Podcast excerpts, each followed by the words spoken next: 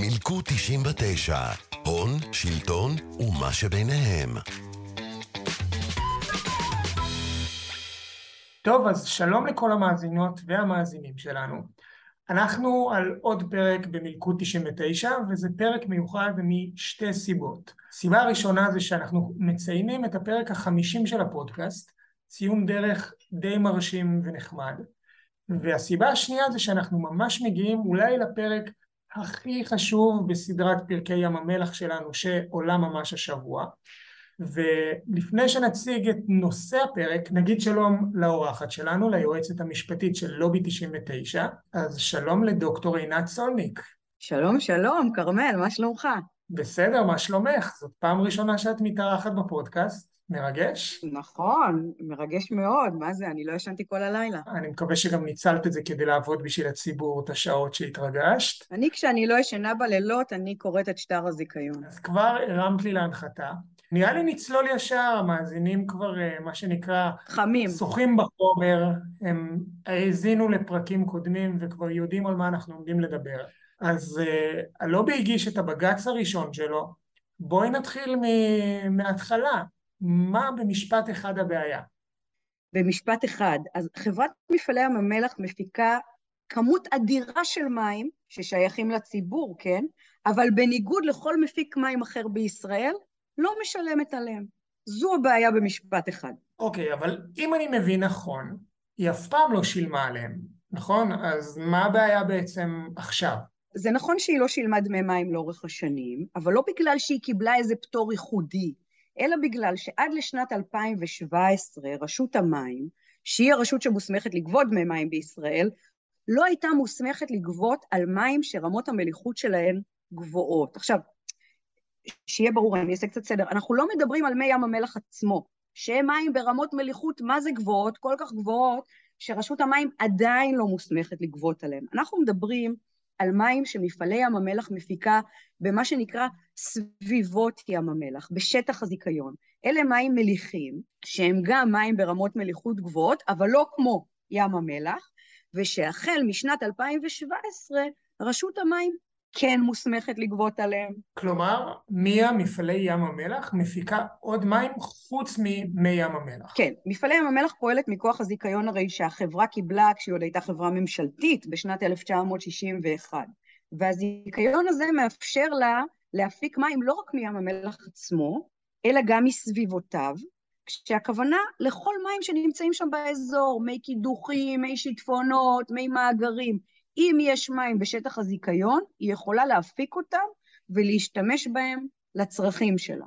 בשביל מה היא צריכה את המים האלה? אז היא משתמשת בהם לצרכים תעשייתיים. נניח אה, היא צריכה לשטוף את המחצבים, את המינרלים, כשהיא מוציאה אותם מים המלח, אז היא משתמשת במים האלה. אוקיי, אז עד 2017 רשות המים לא הייתה מוסמכת לגבות דמי מים. מה קורה בשנת 2017? יפה, אז בשנת 2017 עבר תיקון 27 לחוק המים. התיקון הזה נועד לתקן עוול היסטורי לאורך השנים. חלק מהמפיקים בישראל שילמו דמי מים וחלק לא. אז נוצר מצב לא שוויוני של מה שנקרא סבסוד צולב. זה מצב שבו המפיקים שכן משלמים בעצם מממנים את המפיקים שלו. למחוקק נמאס מזה. הוא רצה שכולם ישלמו, והוא גם רצה להפוך את משק המים בישראל למשק סגור, שזה אומר שכל הכסף שנכנס מדמי מים לרשות המים, חוזר לצורכי משק המים הישראלי, הוא לא עובר למטרות אחרות כמו חינוך וביטחון וכדומה. עכשיו, ברגע שכולם משלמים לקופה הסגורה הזו, יש יותר כסף, ואז מה אפשר לעשות? אפשר להוזיל את דמי המים של הציבור הרחב. תיקון 27 קובע כמה הוראות שמבקשות לעשות בדיוק את זה. ובין היתר הוא מתקן גם את כללי המים, שאלה כללים שנגזרים מהחוק, כך שרשות המים יכולה לגבות לראשונה גם על מים ברמות מליחות שמפעלי ים המלח מפיקה. אז בעצם רשות המים מקבלת בתיקון 27 את הסמכות לגבות דמי מים, וזה מה שהיא עושה בפועל. בדיוק. רשות המים, היא מנפיקה למפעלי ים המלח רישיונות על המים שהיא מפיקה מזה שנים, כן? רישיונות יוצאים. ואלה רישיונות שנתיים, ובכל שנה מחדש הרשות מצווה לבחון את התנאים של הרישיונות האלה ולשנות אותם במידת הצורך. אז זה לא עניין של שיקול דעת, כן? היא חייבת לגבות. אז אחרי תיקון 27, היא באמת מסתכלת על הרישיונות, והיא אומרת, צריך לעדכן. אני יכולה עכשיו להוסיף תנאי תשלום, וזה בדיוק מה שהיא עושה, היא רוצה לגבות. אוקיי, okay, אז רשות המים בסדר על פניו. לא רק על פניו, רשות המים בסדר גמור. ברגע שניתנה לה סמכות, הפעילה אותה. ובשנים 2018-2019 היא באמת הוציאה למפעלי ים המלח הודעות חיוב בסך של סביב ה-85 מיליון ש"ח, שזה יכול להישמע כמו כסף קטן, אבל אם חושבים על העשור שעוד נשאר למפעלי ים המלח עד 2030, תום הזיכיון, וגם על העשורים לאחר מכן, הרי הזיכיון, יגיע זיכיון חדש, הוא יעבור לזכיין חדש, אולי למפעלי ים המלח עצמה שתישאר, אנחנו מדברים על מיליארדים שאמורים להיכנס למשק המים. רגע, אז אם רשות המים הפעילה את הסמכות, איפה בעצם הבעיה? או, אז ברגע שרשות המים הפעילה את הסמכות, מפעלי ים המלח נעמדה על רגליים אחוריות, כהרגלה בקודש, ואמרה לרשות המים, אה, פה פה פה פה, אני משלמת תמלוגים, ואת התמלוגים האלה אני משלמת על כל הזכויות שניתנו לי, גם על הזכות להפיק מים מליחים בסביבות ים המלח, מה שנקרא תמלוגים הכל כלול. לכן, אני לא צריכה לשלם דמי מים. עכשיו, זה לא שכנע את רשות המים, כן? היא לא שינתה את עמדתה, אבל היא החליטה, בגלל שמדובר בסוגיה משפטית טהורה נקרא לזה, ביחס שבין הוראות הזיכיון לדיני המים, היא החליטה להעביר את זה למשרד המשפטים. ואז משרד המשפטים בחן את הסוגיה הזו והחליט באופן תמוה, יש לומר, לקבל את כל הטענות של מפעלי ים המלח ולדחות את כל הטענות של רשות המים. כלומר, חוות הדעת ניתנת בניגוד לעמדה המקצועית של רשות המים. כן, כן, למרבה הצער. ומה בדיוק היא קובעת? אז חוות הדעת שאותה נתן המשנה ליועמ"שית לעניינים כלכליים, עורך דין מאיר לוין, קובעת באמת, כמו שטוענת מפעלי ים המלח, שהתמלוגים שהיא משלמת הם עבור כל הזכויות שניתנו לה מכוח הזיכיון, לרבות הזכות להפיק מים בסביבות ים המלח. היא קובעת שזו הפרשנות המסתברת היחידה, גם מהוראות הזיכיון, סעיף 15 לשטר הזיכיון, לפיו התמלוגים משולמים עבור כל הזכויות, וגם מתכלית הזיכיון, שהיא לשיטתו של עורך דין לוין, הדרישה של הבנק העולמי שהעמיד מימון לטובת הפעילות בשנת 1961 לוודאות. כלומר, שהבנק העולמי, כדי להעמיד את המימון שממשלת ישראל מאוד רצתה, כן? דרש מהמחוקק הישראלי ודאות, שלא יחייבו אותו בתשלומים מעבר לתמלוגים, גם לא בדמי מים, והזיכיון תכליתו להעניק את הוודאות הזו. בהמשך, חוות הדעת קובעת שהוראות הזיכיון לעניין הזה גוברות על דיני המים. כלומר שגם מכוח חוק המים, בעקבות תיקון 27, רשות המים באמת מוסמכת לגבות ממפעלי המלח דמי מים לראשונה, בכל מקרה החוק הזה והכללים שלו נסוגים מפני הזיכיון שקובע הסדר מפורש לעניין תשלום התמלוגים. אז אפשר להגיד שהמרוויחה היחידה של חוות הדעת היא מפעלי ים המלח. לגמרי, לגמרי. יש פה מקרה סופר ייחודי, מוזר, שבו משרד המשפטים נותן חוות דעת שמשרתת אך ורק אינטרס פרטי של תאגיד אחד על חשבון אזרחי המדינה. זו חוות דעת שבעצם מאפשרת למפעלי ים המלח להחצין החוצה, אלינו, לציבור, את עלויות הפעילות התעשייתית שלה.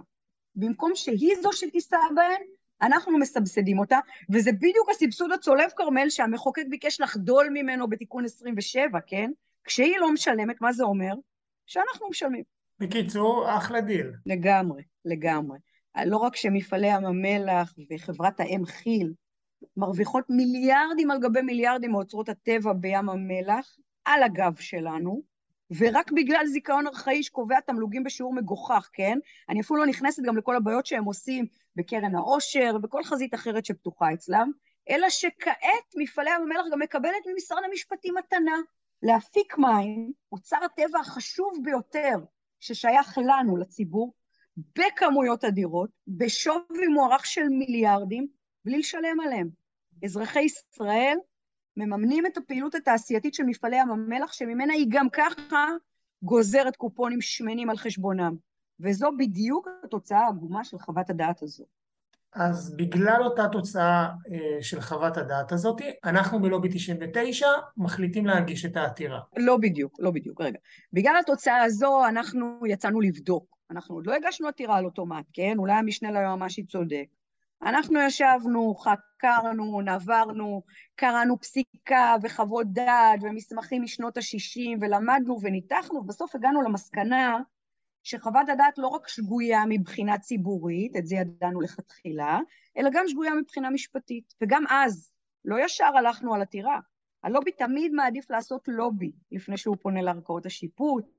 היו לנו חילופי דברים, ניסינו לשכנע, גם עם רשות המים, גם עם משרד המשפטים, לעשות את מה שאנחנו יודעים לעשות. רק שבמקרה הזה זה לא כל כך עבד. אז זהו, למרבה הצער זה לא עבד, ולכן בלית ברירה, נו, החלטנו להגיש עתירה לבג"ץ.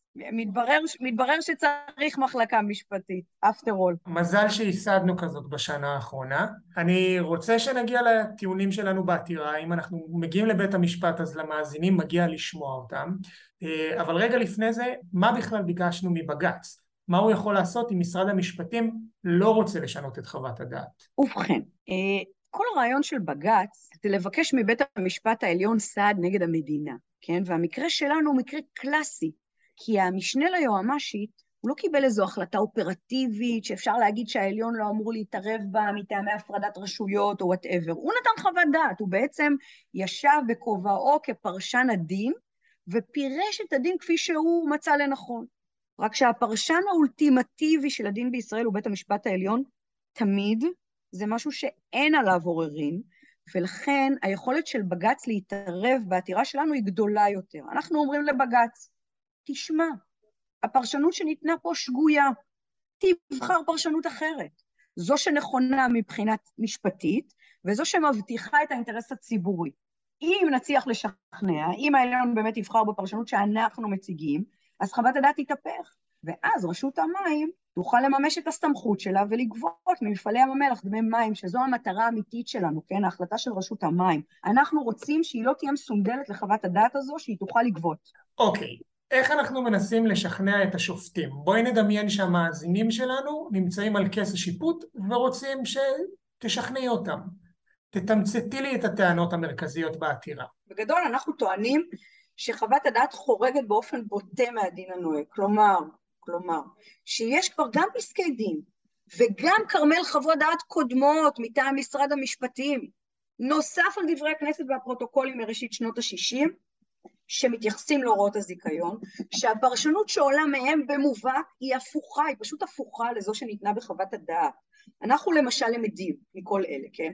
שהתכלית של הזיכיון, מאז ומעולם, הייתה להבטיח את האינטרס הציבורי ולא את השקפתו של הבנק העולמי, גם בשמירה על אוצרות הטבע של ים המלח, גם במיצוי זכויותיו של הציבור בכל הנוגע לאוצרות האלה. עכשיו, גם ערכאות השיפוט, גם קודמו בתפקיד של המשנה ליועמ"שית, שנתן שתי חוות דעת קודמות, פעלו מה שנקרא בנחישות וברגישות כדי להגן על התכלית הזו, כדי לשמור על הציבור. ולכן תמיד פרשו את הוראות הזיכיון באופן מצמצם בכל מה שנוגע לזכויות של מפעלי ים המלח, באופן מרחיב בכל מה שנוגע לחובות שלה. משום מה, אנחנו לא רואים התייחסות רצינית לכל אלה בחוות הדעת. עכשיו, לא רק תכלית הזיכיון, גם הנוסח שלו ממש תומכים, אה, תומך בפרשנות שלנו, שמצווה לרשות לגבות דמי מים ממפעלי ים המלח. איך למשל? למשל, יש בזיכיון הוראה ספציפית שאומרת שהזכויות למים מליחים בסביבות ים המלח מותנות באישור רשות המים המוסמכת, מה יותר מזה צריך? הוראות הזיכיון עצמן מעבירות אותנו לדיני המים, לסמכותה של רשות המים. הסמכות הזו לא מוגבלת, וגם לזה אנחנו לא רואים שום זכר בחוות הדעת. בנוסף, בניגוד למה שנאמר בה, אנחנו גם טוענים שדיני המים לא נסוגים מפני הוראות הזיכיון, אלא כפי שקבע שחור על גבי לבן בית הדין למים, לא אני. הוראות הזיכיון ודיני המים הם דרים בכפיפה אחת זה בצד זה. עכשיו, זה קריטי. למה? כי חוק המים קובע שהמים בישראל, אוצר הטבע הכי חשוב, שייכים לציבור, שהבעלות היא ציבורית תמיד, וחוק המים גם קובע, החוק קובע, לא אני, בסעיף 7, אני חל, אני החוק חל, על כל המים בישראל. לא משנה איזה זכויות ניתנו בהם, לא משנה מתי, לא משנה איך. אני חל על הכל, כלומר, אני חל גם על הזיכיון. חוות הדעת מתעלמת גם מכל אלה. חוץ מזה, אנחנו גם טוענים שלא ייתכן שמוסד היועמ"ש, שאמור לעבוד עבור אזרחי ישראל, מוציא תחת ידיו חוות דעת קצרה, דלה, לא מנומקת, לא מבוססת, כל דברים האלה אני אומרת במחילה, עם כל הערכתי למשרד המשפטים, כן? שכל מה שהיא עושה זה לעבוד עבור טייקון. תשמע, כרמל, גם אם היינו יכולים לטעון בדוחק שהפרשנות של המשנה ליועמ"ש היא צבירה, מה שאנחנו כמובן לא טוענים, גם אז הוא היה אמור לבחור בפרשנות סבירה אחרת, שהיא שרירה וקיימת, שהיא זו שמיטיבה עם הציבור, שהיא זו שאנחנו מבקשים להציג בפני בג"ץ. והדברים האלה כמובן מקבלים משנה תוקף כשאנחנו מדברים על מפעלי ים המלח, אני לא חושבת שצריך לפרט עד כמה החברה הזו, שהיא חברת בת על מלא של כי"ל, כן, של כימיקלים לישראל, פועלת בדורסנות מאז ההפרטה כדי לשחוק עד דק את ים המלח שהופקד בידיה בנאמנות עוד כשהיא הייתה חברה ממשלתית. ההפרטה של מפעלי ים המלח ושל כימיקלים לישראל, שהיא מה שאנחנו מכנים החטא הקדמון, הפכה אותן למפלצות נצלניות, ופשוט לא ייתכן שהציבור לא ייתן fight כשהן מבקשות להשתמש במים שלו בחינם, ועוד להעמיס עליו עלויות. זה הרצחת וגם ירשת במלוא תפארתו. באמת. טוב, תראי, הטענות האלה באמת מאוד מאוד מרשימות. אומנם אני משוחד, וכנראה גם המאזינים שלנו... אני לא משוחדת בכלל, אגב. גב ציבורי יש לך, כי מה לעשות? בסוף זה האינטרס הציבורי. אבל בואי נדבר על הסיכוי של הטענות האלה בבית המשפט. יש להם סיכוי בכלל? טוב, תראה, אז זו שאלת השאלות, כן? שאלה טובה. אני, אני חושבת שיש לטענות האלה סיכוי, כמו שאמרתי, לבית המשפט העליון אמור להיות יותר קל להתערב כשאנחנו מדברים על פרשנות הדין מכיוון שהוא הפרשן העליון, אז יש סיכוי ואפילו טוב, אבל מצד שני עם בתי משפט אי אפשר לדעת איך דברים באמת יתגלגלו. ועדיין, עדיין, גם אם הסיכויים לא גבוהים במיוחד, זו עתירה חשובה, זו עתירה מוצדקת, לא רק כדי שמפעלי ים המלח תשלם דמי מים, היא חשובה גם בגלל עצם העמידה של לובי 99, כן? שזו בעצם עמידה של עשרת אלפים חבריו הקבועים ועוד רבים אחרים שתומכים בו, בבית המשפט העליון. הטיעון לטובת האינטרס הציבורי בתחום כל כך מורכב וקשה ואפור, שזה בדיוק מהתחומים שבהם משחקים את כל המשחקים המלוכלכים מעל הראש שלנו. שאם הלובי לא היה צולל אליו, מי כן? מי היה מייצג את האזרח הקטן?